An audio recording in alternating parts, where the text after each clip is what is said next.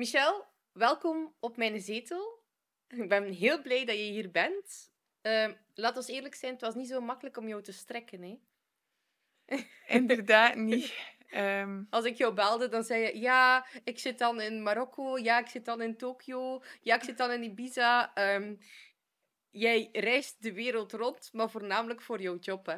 Ja, klinkt allemaal heel fantastisch. Um, en dat is het ook natuurlijk. Mijn job is wel heel leuk. Um, maar zoals in iedere job is het soms wel even heftig dat je denkt van oké, okay, eh, ik wil nu eigenlijk gewoon echt naar huis. Ja? Ja. Misschien even vertellen wat jij precies doet als job. Um, ik heb in 2021 de zaak overgenomen van mijn ouders. Uh, dus toen dat ik daar eigenlijk al ja, tien jaar in dienst was. Um, wat doe je? Dat is ontwikkeling van stoffen voor gordijnen en voor zetels. En daar doe je dan eigenlijk de export van. Vooral met de, ja, met de kijk, allee, de ecologische kijk van oké, we zitten hier in België, we houden van korte keten en we gaan vooral vlas gaan gebruiken naar hennep, die hier in België en in Noord-Frankrijk voornamelijk uh, geoogst wordt. Ja, en dat is iets heel specifiek. Uh, het, het, het, linnen, dat is heel specifiek. Hè? Dat is hier uh, ja, dat is, dat is een, een cultuurproduct bijna. Hè? Ja, dat is echt iets Vlaams. Uh, ik denk dat er niemand anders ter wereld ooit beter gaat kunnen uh, vlassen als dat de Vlamingen dat kunnen eigenlijk. Um, ja, het is sowieso een heel mooi product. we hebben hier de, het perfecte klimaat om het te laten groeien. en we hebben vooral de know-how, de Vlaming. Ja. Jij exporteert of zorgt ervoor dat die stoffen geëxporteerd worden over heel de wereld? Ja, dus eigenlijk wij gaan een collectie gaan opbouwen. En uh, we zijn vooral gekend voor de heel mooie natuurlijke kleuren ook. Um, zijn dat dan aardse kleuren? Of, uh... mm, dat hangt er vanaf. We hebben bijvoorbeeld ook een heel mooi purper, maar dat gaan we dan door een, een extra finish, een stonewash, dat is letterlijk de stof gaan wassen met stenen, dan gaan we dat eigenlijk gaan verzachten. Dus in onze collectie ga je beter weinig harde kleuren zien, heel veel aardse tinten, maar ook een keer een, ja, een uitspatter. Mm -hmm. ja, het, is, het varieert eigenlijk gigantisch. Ja. En dan die stoffen gaan jullie gaan verkopen naar verwerkers om dan zetels van te maken? Of jullie gaan zelf de zetel overtrekken en gordijnen al uh, afleveren? Nee, wij uh, verkopen eigenlijk letterlijk uh, de meters stof op rol aan de verwerker en heel vaak aan de designer, interior designer, architecten, um, wat dat leven voor mij wel heel boeiend maakt. Uh, want die export wordt eigenlijk opgebouwd puur door koude prospectie. Um, vroeger had ik daar heel veel energie voor. Um, nu is het, ik merk wel dat het altijd maar moeilijker wordt om een land op te starten. Ofwel ben ik vergeten hoe moeilijk dat was in der tijd. Maar ik heb op zich uh, ja, de UK is vrij groot geworden voor ons. Zwitserland, Oostenrijk, Frankrijk, België, Nederland, Luxemburg, Denemarken, Duitsland, Italië, Spanje, Portugal. Um, dus dat zijn allemaal landen die eigenlijk van nul gestart zijn, want mijn ouders deden geen export. Nee, dus jij hebt dat gestart tien jaar terug? Ja. Tien jaar terug, ja? Uh, ja, in 2010 ben ik eigenlijk begonnen met werken voor mijn ouders. Ja. En België werd heel snel te klein. Voor uh, jou? Ja, ja, ik wou gewoon echt reizen. Op dat moment wou ik gewoon echt reizen. Ja. Um, en nu zijn dat terugkerende reizen. Hè. Zwitserland ook één keer per jaar, drie dagen. Um, Oostenrijk ook twee keer per jaar. Denemarken één keer per twee jaar. Um, dus nu keert dat even aan terug. En ieder jaar neem ik een land bij. Dus ja. Portugal zal nieuw zijn dit jaar. En hoe begin je dan daaraan? Ja, hoe is het dan echt zo? Uh, ik ga een ticket boeken naar Lissabon en ik zie dan wel waar ik uitkom? Of ga jij echt ja, grondige research gaan doen vooraf? Ja, ik doe wel echt grondige research. Dus um, ik ga niet zomaar gaan reizen. En de reizen die ik doe zijn best wel pittig. Dus ik weet, um, ik was vorige week in Monaco met onze agent. Dus eens ik twee jaar op een land heb gewerkt, zoek ik een local daar die dan eigenlijk de, de voortdurende visites kan doen en de klachtenbehandeling en en één keer per jaar ga ik met hen drie dagen op stap. En in die drie dagen doe ik zes à acht klanten per dag, inclusief route. Dus ik kan u verzekeren dat wij de agenten, als ik daar drie dagen ben geweest, neem Dan ik moet een pakken. Ja, dan neem ik een borsteltje en een vulblekje en kun je ze opvegen. Maar mijn reizen zijn echt heel gevuld en dat is puur gegroeid ehm, naar het willen ook bij de kinderen zijn. Ik kan de kinderen niet meer wijsmaken dat ik vijf dagen nodig heb om op een land te werken. In drie dagen kan ik al heel veel doen, maar dat moet wel heel voorbereid zijn. Ja. Ehm, dus ook een nieuw land, eh, dat is echt grondige research. Dan heb ik bijvoorbeeld ehm 21 klanten om te zien op drie dagen. En dat is puur koude prospectie. En natuurlijk ja, wil ik alle 21 klanten klant maken. Ehm, en gelukkig, want ik heb eigenlijk een mega tof, gemakkelijk product. Dus meestal ja, Vallen ze in zwijm. 19 op de 21, mag ik toch wel zeggen. Ja. Maar dat zijn we nog niet, dan heb je de opvolging. Hè. Ja, ja, dus ja. eh, dat is constant opvolgen. Oké, maar ja, jullie hebben nu geïnvesteerd in onze collectie, maar doe je er iets mee? Begrijp je ook wat hij verkoopt? Begrijp je ook waarom dat je ons verkoopt? Waarom verkoop je geen ander linnen van iemand die goedkoper is? hè? Er is ook eh, Chinees linnen. Mhm. Maar ik wil dat onze klanten echt wel weten waarom dat ze ons verkopen. Ja. Dus ga je echt telkens nog een keer in gesprek van kijk, dit is onze visie, dit, dit is het verschil van materiaal, dus eh, dan moet je hen echt telkens gaan bijsturen. Ja, zeker. Zeg maar, zeven verkoopsgesprekken op een dag in een andere taal in een ander land. Ik kan me wel voorstellen dat het toch een beetje energie kost. Dat kost zodanig veel energie. En ga, vroeger ging het nog s'avonds gaan dineren en nu vraag ik de roomservice. Dat is echt gewoon kapot gaan. Dus alle, alle gordijnen dicht na zeven verkoopsgesprekken, prikkels even los. Ehm, en, en een pizza, een glaasje wijn, slapen. En 's morgens heel vroeg opstaan, een wandeling maken op de plaats waar dat ik ben. Dat is het mooie aan het reizen. Dat even kan gaan wandelen, een doodtripje maken, even alles los. En dan ben ik terug klaar voor eh, de nieuwe zeven. Ja, En de derde dag heb ik er terug zeven, plus de stress van de vlucht. ja ook haal ik die of haal ik die niet? En hoe hou jij dan jouw focus klaar? Ehm, ga, ik probeer vooral alles behapbaar te houden. Dus step by step. Vraag mij niet naar de reis van volgende week. Zet mij niet onder druk voor een ges- verkoopsgesprek 3 op dag 2 van Zwitserland volgende week, want het zit niet klaar in mijn hoofd. Ik Mhm. weet het niet. Eh, en ik probeer mij ook zo dom te houden naar de volgende week bijvoorbeeld. Hé, ik weet vandaag eh, ben ik hier. Eh, vanmiddag ben ik daar. En misschien morgenochtend zit het ook al in mijn hoofd. Maar verder gaat het niet. Ja, Ehm, anders, ehm, ja, anders denk ik dat ik mentaal dat niet lukt wat ik doe. ja. En hoe maak je dan die voorbereiding? Heb je dan bijvoorbeeld de zondagavond voor jezelf? Oké, goed, dan heb ik nu vier uur en in die vier uur overloop ik heel de week en weet ik, ah ja, dat, daar, dat, daar. Bij mij bijvoorbeeld, de zondagmiddag is mijn heilig moment. Na het eten met een koffie neem ik mijn agenda en dan kijk ik, ah ja, hoe ziet mijn week eruit? En waar moet ik dan mijn kinderen droppen? Of wie komt ervoor zorgen? Ja, effectief. Ehm, want jij bent ook... Ja, je bent mama, maar je bent ook gescheiden. Dus dan heb je nog eens die extra zorg, denk ik, hè? Ja, Of- ja. Dat is inderdaad eh, ja, een organisatie. Zodanig erg dat ik echt mailtjes stuur naar mijn mama en mijn papa. Kijk, dit is de planning voor deze week. Mhm. Ehm, zeg mij wat dat kan en wat dat niet kan. En dan kijk ik met de mama's van school wat, wat dat er haalbaar is. Eh, met een papa, wat is er eventueel extra haalbaar. Ehm, en het is inderdaad zo, geef mij niet de zondagavond en mijn week is aan de knoppen. Mhm. Dus de zondag vanaf vier uur moet ik echt wel op mijn bureau de week doornemen, kijken wat dat er lukt, kijken wat dat er niet lukt, eventueel ja, de overmoedige beslissingen en overmoedige afspraken al afzeggen, dat ik weet van oké, dat gaat nu echt niet gaan. Ehm, ja, die vrijdag is inderdaad ook heilig en dan mag het niet zo negatief zien, maar dan de week die passeert, word je een beetje geleefd, van mijn agenda staat vast. Het is gewoon zo en er is wat ruimte om iets bij te nemen, Maar weinig. maar meer niet. Ja, Ja, ja. ja. Hoe lukt dat voor jou als je dan die drie dagen in het buitenland bent en je hebt je focus op je werk? Ehm, ja, je blijft ook mama altijd. Hoe maak jij die balans? Of maak je dan ook tijd om je kinderen te bellen of zo? Of zeg je, nee, je hoort mij nu drie dagen niet. Ik ben in volle focus met mijn werk. Ja, daarin ben ik vrij radicaal. Ze horen mij eigenlijk niet. Mhm. Ehm, dus van de dag dat ik vertrek, ik probeer wel altijd s morgens ze af te zetten van de dag dat ik vertrek.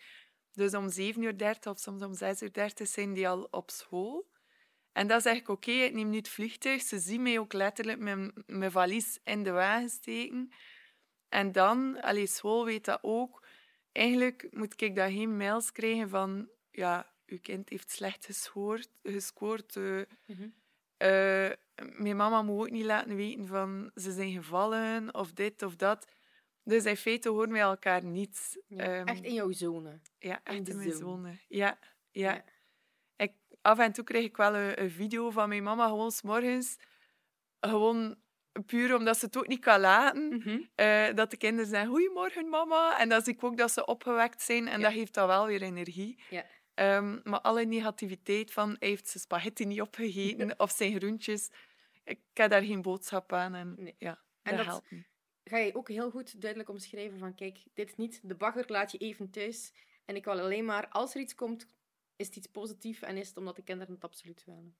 Inderdaad. oké. Ik ben... ehm, ja, mijn bijnaam was ook Binaire Michel, dus ik ben vrij binair. En ik kan heel goed eh, ja, alles omkaderen.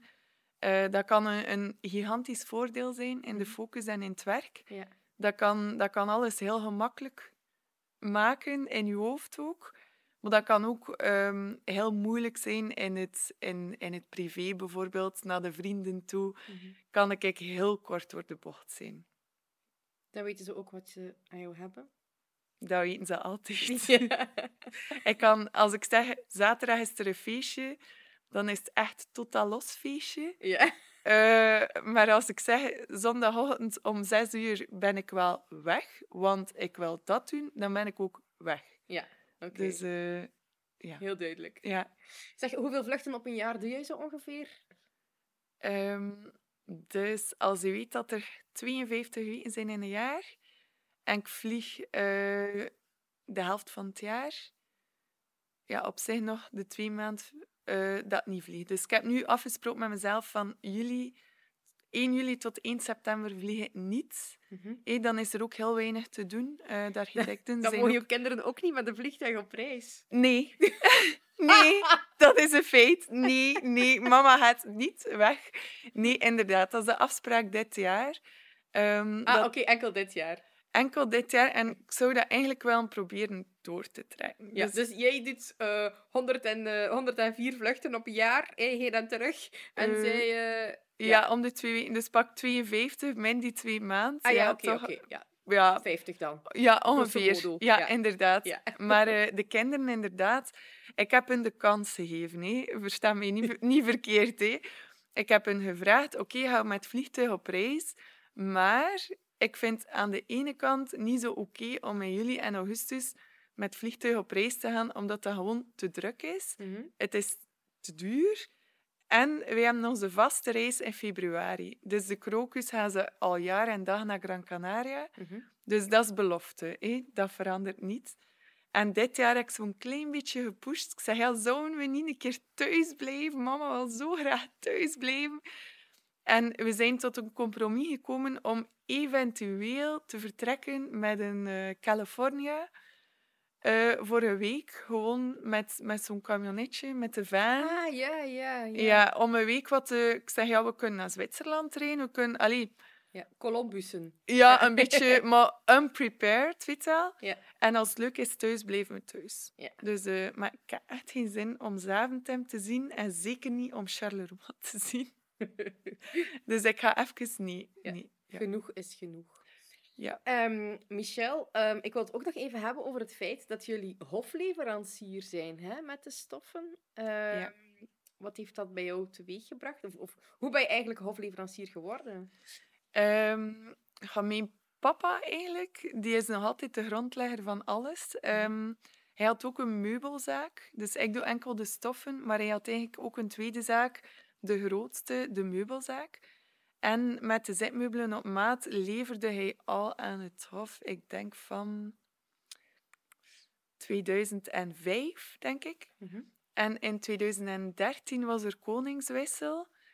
En ik dacht, mijn papa, het is nu de ideale moment om een keer uw erkenning aan te vragen. Want hij was altijd heel bescheiden. Hij... Ah, daar had hij geen- erkenning voor Nee. gekregen. Nee, nee, nee. Hij ging dat ook niet vragen. Mijn papa is super bescheiden. Maar ik wist dat dat zowel de kers op de taart ging zijn. Hij, ehm, hij heeft heel hard gewerkt. Dag en nacht. eh heeft allemaal alleen opgebouwd. Ehm, heeft er wel eventjes eh, van onderuit gesleerd. Eh, Hij heeft een burn-out gehad in 2010. Ehm, dus ik vond dat hij dat echt wel verdiende. Dus met de koningswissel was dat niet zo moeilijk. eh, om eigenlijk die erkenning te bekomen, omdat hij ook gewoon al zo lang leverde. Het was Ja. eigenlijk wel logisch. Ehm, en met de stoffen leverde ik aan mijn papa. Dus ik leverde de stoffen voor de zetels. Ja. Dus op zich kon mijn bedrijf geen erkenning krijgen, omdat mijn papa ook CEO was daarvan. En een, een label hofleverancierschap hangt aan de persoon ook. Ehm, dus op het moment dat ik overnam, heb ik dat wel ook de erkenning aangevraagd. Ja. Omdat dat voor mij puur naar die export echt gigantisch helpt. Scheelt dat echt heel veel? Ja, ja, bijvoorbeeld de Japanse markt is daar heel gevoelig aan. Mhm. Ehm, ja, en op zich, ik, allee, ik ben daar eigenlijk wel heel trots op. En mijn papa vindt dat nu ook leuk dat ik het meedraag voor hem. Mhm. Dus het, ja, het was super leuk dat wij ook mochten hofleverancier zijn. Dus het hangt nu aan mijn naam ook. Ehm, maar natuurlijk blijft dat wel spannend, want ja, ik lever de stoffen, maar ik lever geen afgewerkt product. Ehm, dus ik kan alleen maar hopen dat ze blijven zetels kiezen met onze stoffen, dat ze Mhm. blijven gordijnen kiezen met onze stoffen. Ehm, maar sowieso zijn wij heel loyaal aan onze Belgische, ja, aan ons Belgenland, Ja, gaat ja, maar zeggen. en Wat wij, afnemers. ja, wat wij zijn ook gewoon ja, super Belgisch. Ja, Dus eh, Zeg, en, maar dus, dat betekent dat ehm, een fauteuil in de living en in de studeerkamer en misschien in de slaapkamer en de gordijnen en zo over hele, hun eh, residentiële huis, eh, dat dat allemaal van jullie is. Dat jij... ja, heel veel daarvan. ja. Ja, ja. En heb je daar dan ook foto's van? Of heb je, want je bent er ook geweest, hè? Ja. ja. Heb je het Eh, mogen zien? Wat daar allemaal hangt? Ik heb het mogen zien, zeker. Eh, we hebben ook allee, natuurlijk geadviseerd. eh, welke stoffen hang je beter niet in de zon? Welke stoffen ga je gaan voeren? Welke stoffen ja, zet je op de, de zetel dat je vaak gebruikt? Mhm. Dus wij gaan wel goed gaan adviseren, ook technisch. Ehm, maar foto's heb ik er niet van. Eh, dus ehm, ja, dat bleef natuurlijk... Allee, dat is even privé als ons privé. Ja. ja. Eh, dus nee, ik heb daar geen foto's ja. van. En heb je een praatje gemaakt met koningin Mathilde? Zeker, ja. En, en hoe loopt dat? Is dat hetzelfde gesprek zoals wij dat voeren, of is dat toch iets gedistingueerder? Goh, een goede vraag eigenlijk. Op zich denk ik dat, dat wij dat moeilijker maken dan dat zij dat maken. Op zich. Zij, zij is heel, ja, heel open. Ehm, je voelt ook dat, ja, dat hart op de juiste plaats zit en dat die waarden en normen vooral heel gelijkgestroomd zijn. Wat Leg dat eigenlijk. Ehm, onze familie en ja, ik denk heel veel, heel veel mensen in, in, in onze omgeving zijn gewoon heel loyaal. Wij weten ook, ook met onze, onze leveranciers, onze producenten, iedereen kan een keer een foutje maken. En wij staan er altijd voor klaar om elkaar te helpen. En we weten van elkaar van oké, we zijn loyaal. En dat geven we ook door aan onze kinderen. Mhm. Van, heb respect voor elkaar, eh, wees loyaal, ga niet liegen. Ehm, en dat voel je ook, dat dat gewoon ja, mega in hen ja, ingeburgerd zit. Ja, ja, ja. Eh, dat dat wel een match vormt. Ook. Ja, dat vormt echt wel een match. Ja. Ja, ja nice. Eh, om, dat, om dat mee te maken, denk ik, en om zo die een titel te dragen. Allee, dat is toch tof? Ja, ja, sowieso. En ja, wij hebben dan ook de VZ2, de hofleveranciers. En die groep, alle hofleveranciers, je merkt dat wel dat dat heel gelijk zit. Ehm, dat wij allemaal gelijk gestemd zijn. Wij, allee, ja, you get what you, what, what you give. Ja, Eh, ja, ja. Op zich, wij, wij gaan eigenlijk allemaal gemerkt dat het zijn allemaal keiharde werkers eh, die niet gaan overprijzen of snel geld verdienen. Of iedereen is zo gewoon ja, eerlijk. Iedereen is trots op zijn product. En spreken jullie dan soms af? Ja, zeker. Dus jullie hebben dan zo soms feestjes onder de hofleveranciers? Ja, feestjes. Eh, de laatste was de balansbespreking. Oké. Dus eh, zo'n feest, nu natuurlijk, we maken dat dan wel leuk. hè. Er, is dan, er is dan een catering. Ja. Eh, dan drinken we nog iets. Ehm, ja, er zijn af en toe wel events. Eén keer per jaar is het het dinertje van de hofleveranciers. Eh, Met en de koning en de koningin dan? eh, hangt er vanaf. Ah, oké. Niet altijd, ja. Ehm, maar het is wel leuk dat we elkaar steunen. Mhm. Dus het is altijd in de locatie van de hofleveranciers. Ah, oké. Ja, dus de laatste keer was ook in een, ja, een, een heel mooie ruimte waar, waar dat ze ja, materiaal verhuren voor events. En ze hadden dat heel mooi aangekleed. Dus dat was echt in en haar. Dus dat was super, dat was echt fantastisch.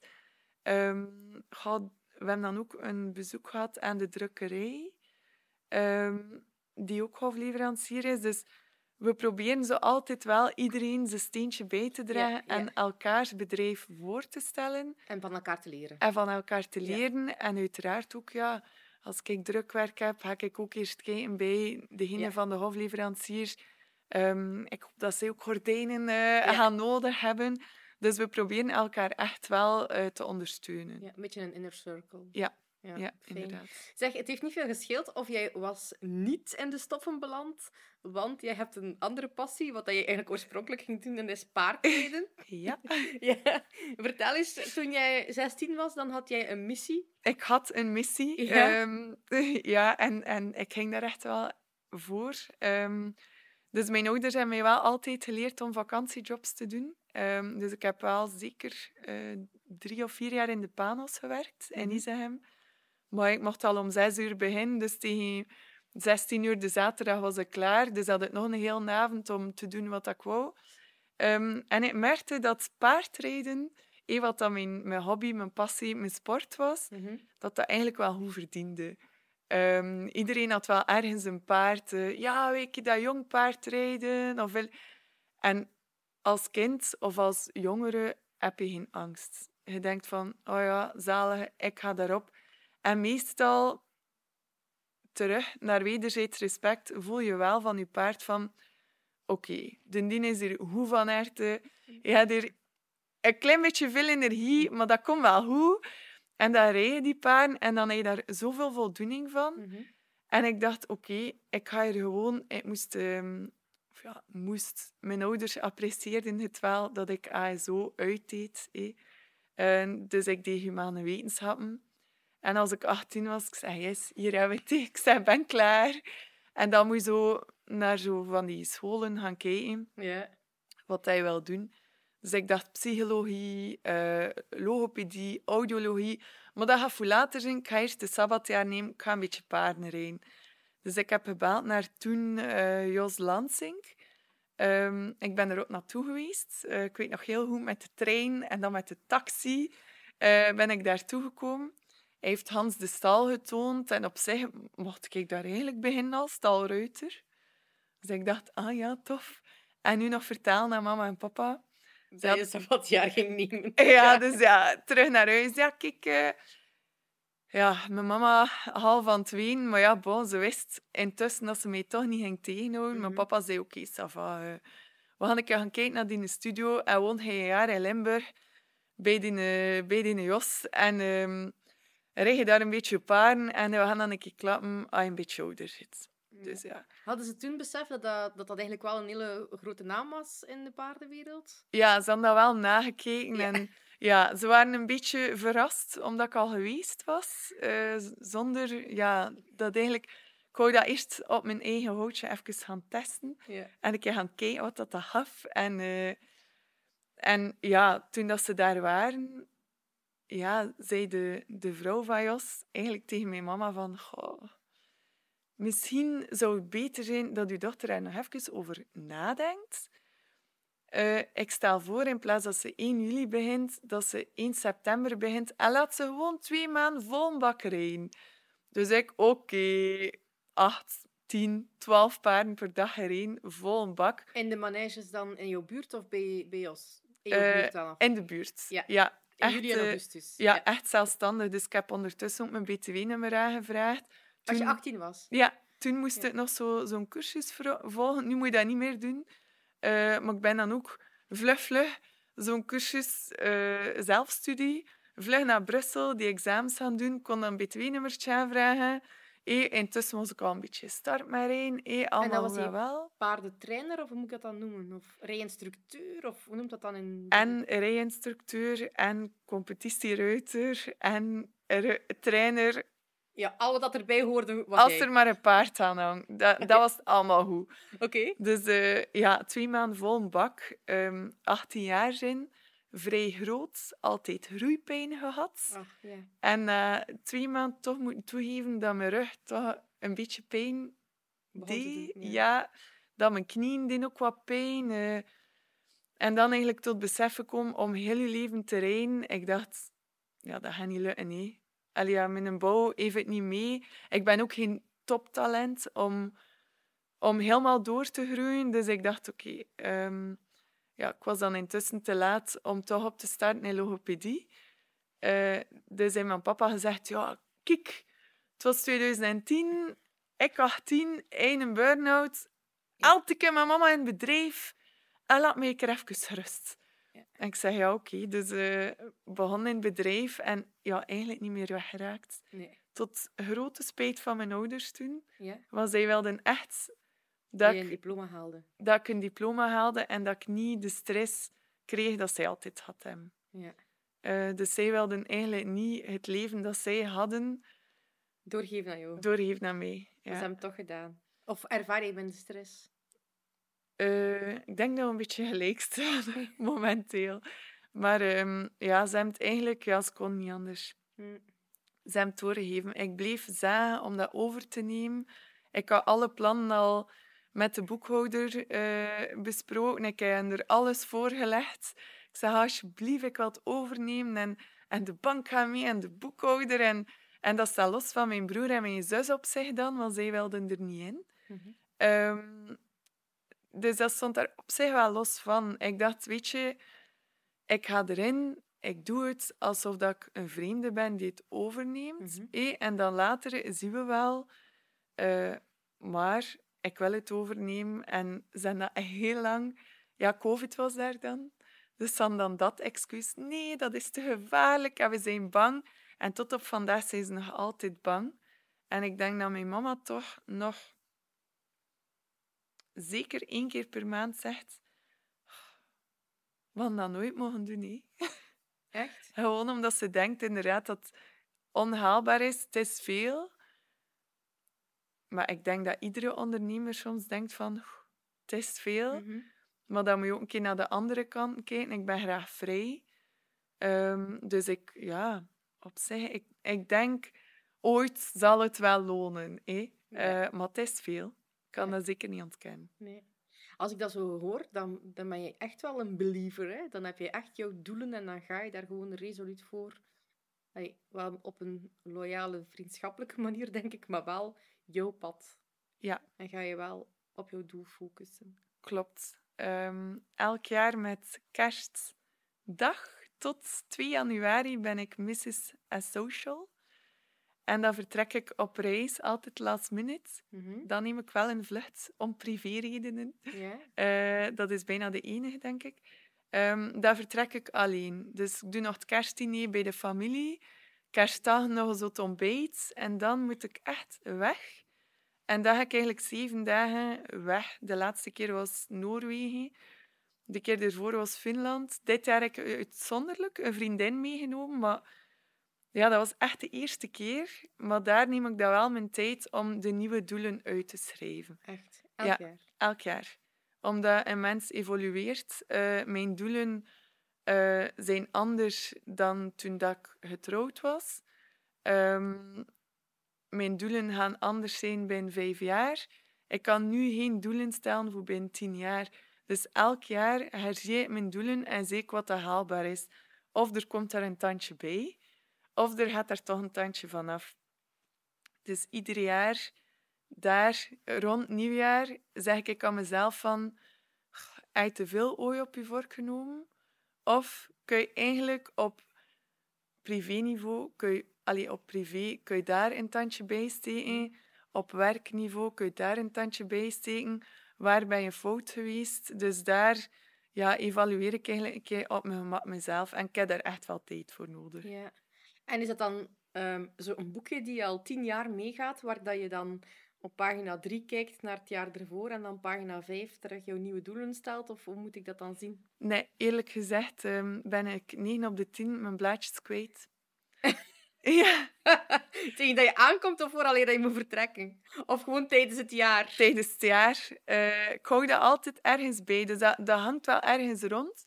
En doorheen het jaar, bijvoorbeeld dit weekend, was ik uh, met de grote opkuis bezig. Kom ik dat tegen? Uh, ik heb ze nu tegengekomen van drie jaar terug of van vier jaar terug. En dat was rond de scheiding.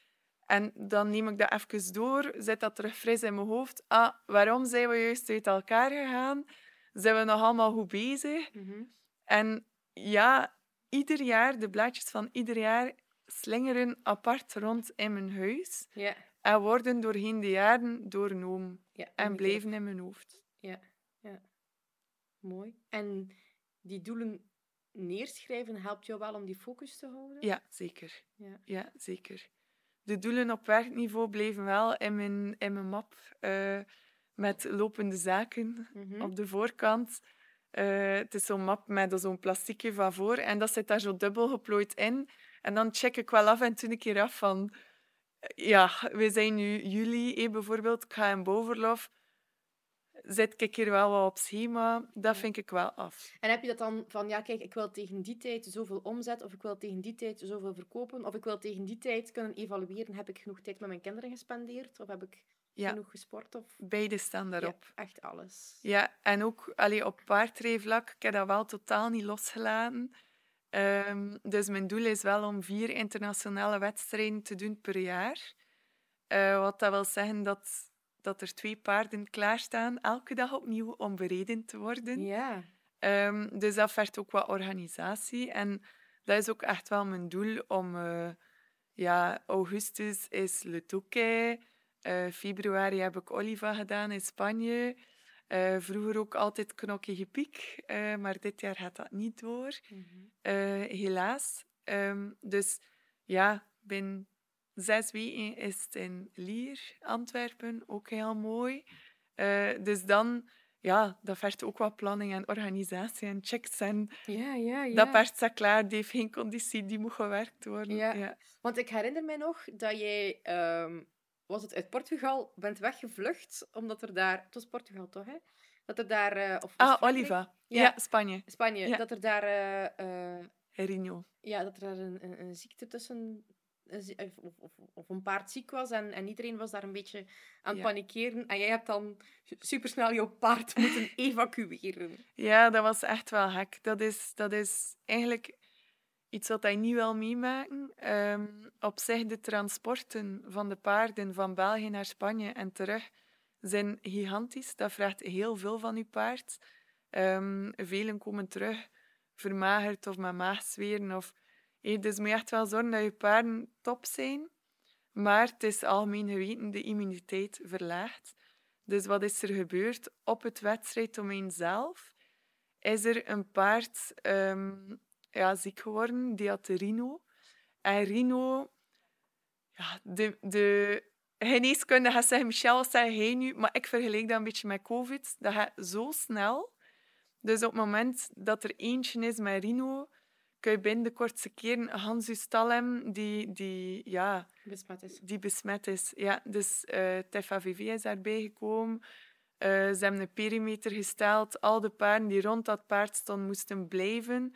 Dat zijn quarantainemaatregelen. Dat wil zeggen, ja, dat kost ook superveel om al die paarden daar te houden. Het is ook niet de bedoeling dat die paarden in kleine stallen blijven. Uh, ja, dat was elke morgen koorts meten, elke avond. Dus En mijn paarden stonden net buiten de perimeter. Dus dat ik geluk en moest ik zo snel mogelijk weggaan. Maar dan kreeg er één plots koorts. Dus ja, dan is ze, oei, ja, dan moet jij in de tent van de paarden zonder rino met koorts. Eh, maar dan zijn vertrokken. Nee. Ja. Je kunt dan niets plannen. eh, ja, en je en hebt dat besloten om de vlucht van Egypte te nemen. En ja, te vertrekken. Ja. Ja. heel, heel snel. ja, Ehm, natuurlijk kan ze de grenzen van Frankrijk dan ook wat beginnen afzetten. De rustplaatsen, wij kunnen niet in één keer met de paarden doorrijden. Dus wij hebben een rustplaats nodig in, in Frankrijk. En die begonnen allemaal ja, af te sluiten. naar aanleiding van dat voorval. Ja, wij konden nergens terecht met de paarden. We hebben, we hebben enkele... Allee, eh, dankzij wat goodwill. Ehm mensen had die zijn, oké, wij hebben al onze stallen ontsmet, kom maar af. Eh, en dan terug, ja, even 12 uur rust, terug op de camion en, en door naar huis. Ja, gelukkig dat je dan een goed netwerk hebt die jou dan kan op. Ja, ik kan eigenlijk meestal echt wel zeggen dat ik goed omringd ben en ben er ook wel heel dankbaar voor. Eh, zowel op privéniveau, eh ja, de vrienden, eh, eh, mega de max. Eh, we proberen elkaar zoveel mogelijk te helpen, eh, waar mogelijk. Maar de meesten hebben ook heel veel respect voor het, eh, ja, het binaire kantje.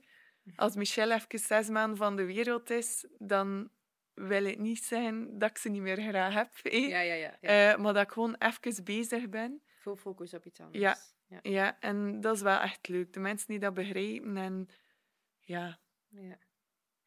Er is nog een, een laatste dingetje die ik graag nog een keer zou aansnijden met jou, die ook over geloven is. Ehm, en dat is geloven in een goede afloop. Jij bent heel nauw betrokken bij het verhaal van Olivier van den Kastelen.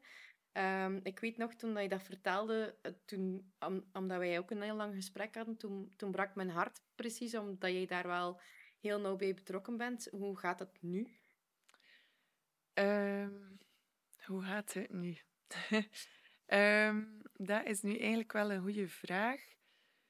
Want ehm, hij zit nu 14 maanden, dus van 24 februari vorig jaar vast, februari, maart, april, ja, 15 maanden. Ja, hij zit te lang vast. Ehm, de laatste videocall was helemaal niet goed. Hij is mentaal eh, enorm verzwakt.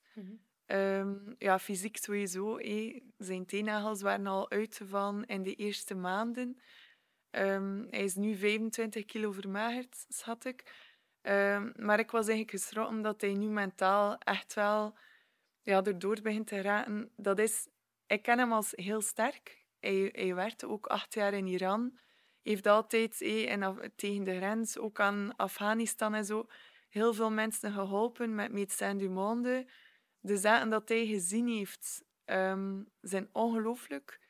Eh, de mensen dat hij geholpen heeft, is ja, nog ongelooflijker. Ehm, heel veel zwangere vrouwen ook de, de grens over geholpen. Ja, bevalling, geven. eh, ja, ik had niet gedacht dat hij mentaal zo diep ging gaan als dat hij nu is.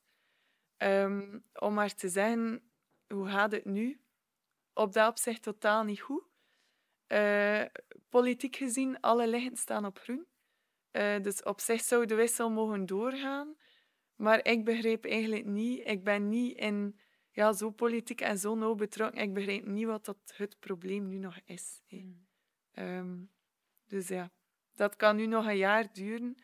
Was, Nog een jaar. ja, dat was het laatste dat ik politiek gehoord heb. eh, om, om de wissel geregeld te krijgen. Ja. Maar ja, Als je dan dat allemaal hoort, hoe hou jij je dan vast in een geloof van een goede afloop? Waar, waar hou jij je dan aan vast? Ik heb vroeger, als ik 16 was, een boek moeten maken over mezelf. eh? Het ik-boek voor gedragswetenschappen, psychologie. En dat was gebaseerd op al onze, al onze kennis, wat dat we opdeden in de les. En de eerste pagina was het liedje van de Koeks, Naïef. I'm so naïef. En soms is het gemakkelijk om naïef te zijn. Dus ehm, eigenlijk geloof ik nog altijd sterk dat Olivier vrijkomt.